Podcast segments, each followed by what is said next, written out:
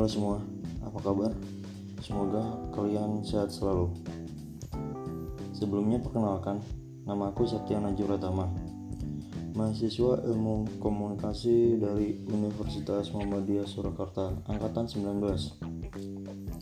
Pada podcast kali ini, aku mau jelasin tentang manajemen media massa televisi yang telah aku review dari sebuah buku manajemen media massa yang ditulis oleh Fajar Junaidi.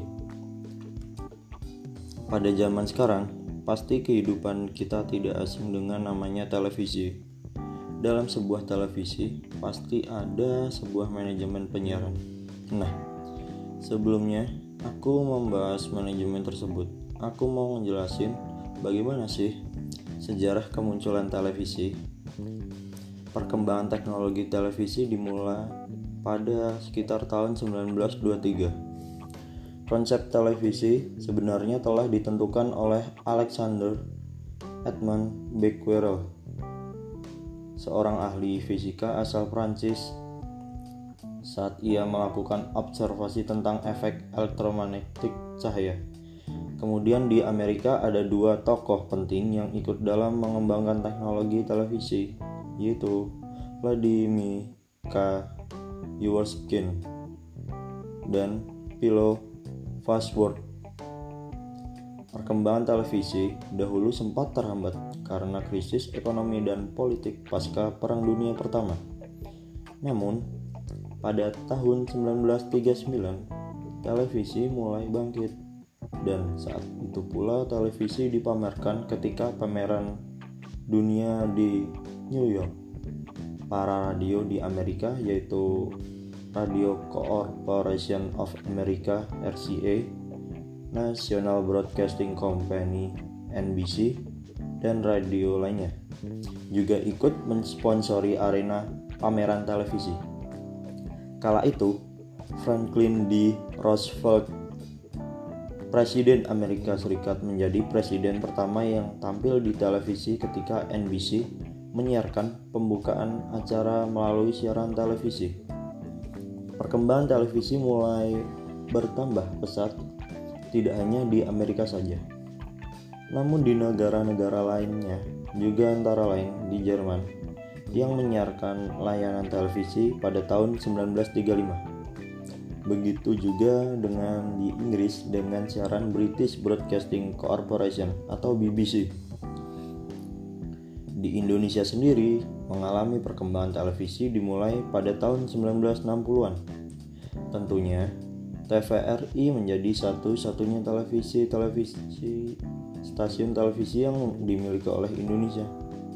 Namun siaran televisi masih hitam putih karena pada awalnya TVRI digunakan untuk menyukses, menyukseskan penyelenggaraan Asian Games keempat yang diselenggarakan di Jakarta pada tahun 1962. Namun, akhirnya dibentuklah TVRI daerah seperti di Surabaya, Yogyakarta, dan lainnya.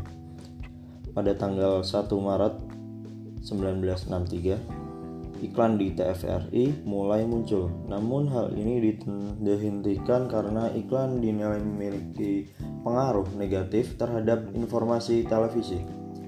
Lalu pada tanggal 20 Oktober 1987 dibuatlah surat keputusan oleh Menteri Penerangan tentang siaran saluran terbatas atau SST yang menandai kemunculan televisi swasta di Indonesia pada kalian pasti kalian sudah tahu dong televisi swasta pertama di Indonesia ya Raja Wali Raja Wali Citra Televisi atau RCTI adalah stasiun televisi swasta pertama di Indonesia sesuai izinnya Dulu siaran RCTI terbatas dan hanya bisa dinikmati melalui televisi yang dilengkapi decoder. RCTI mendapat sambutan hangat dari publik hingga akhirnya RCTI mendapat izin mengubah stasi, status menjadi siaran saluran umum atau SSU.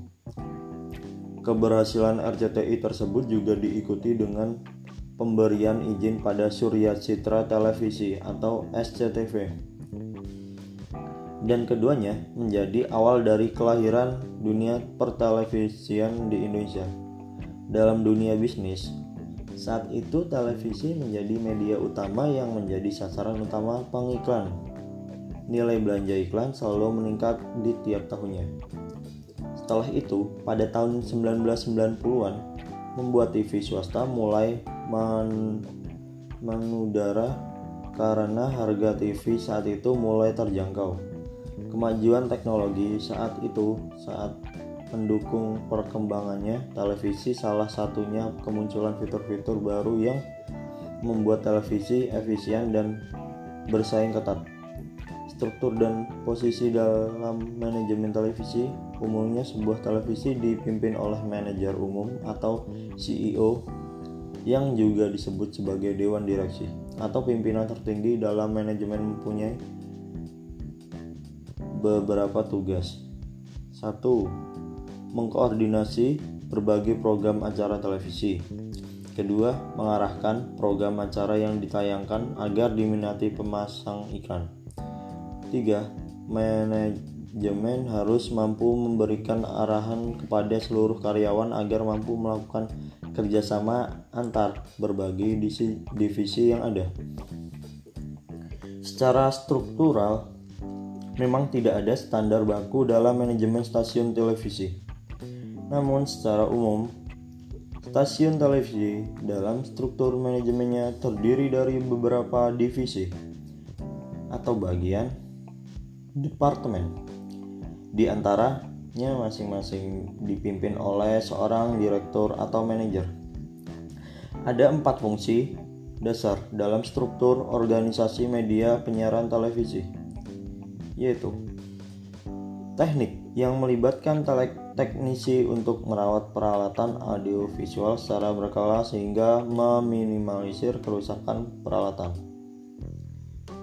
Program yang melakukan penataan program siaran programming biasanya berdasarkan jam tayang yang disesuaikan perilaku penonton contoh kartun anak-anak diputar di sore hari karena mereka pulang sekolah dan beritanya tayang tiga kali pagi, siang, dan sore. Pemasaran bagian yang vital dalam stasiun TV swasta. Hal ini berkaitan dengan iklan televisi dan penempatannya. Contohnya, iklan snack minuman ringan cocok cocok ditayangkan di sela-sela tayangan kartun administrasi bertanggung bertanggung jawab untuk mengelola sumber daya manusia, pembukuan, pembayaran gaji, dan pengelolaan anggaran. Selain itu juga bertugas mengurus perizinan yang berkaitan dengan Komisi Penyiaran Indonesia atau KPI. Jadi, kerjasama antar bagian-bagian manajemen tadi sangat penting dalam rangka penyiaran di sebuah stasiun TV atau pemberian penghargaan, reward dan sanksi punishment juga harus diperhatikan dalam manajemen media di stasiun televisi. Sekian podcast kali ini. Apabila ada kesalahan saya mohon maaf. Terima kasih atas perhatiannya. Sampai jumpa. Tetap jaga kesehatan ya, teman-teman.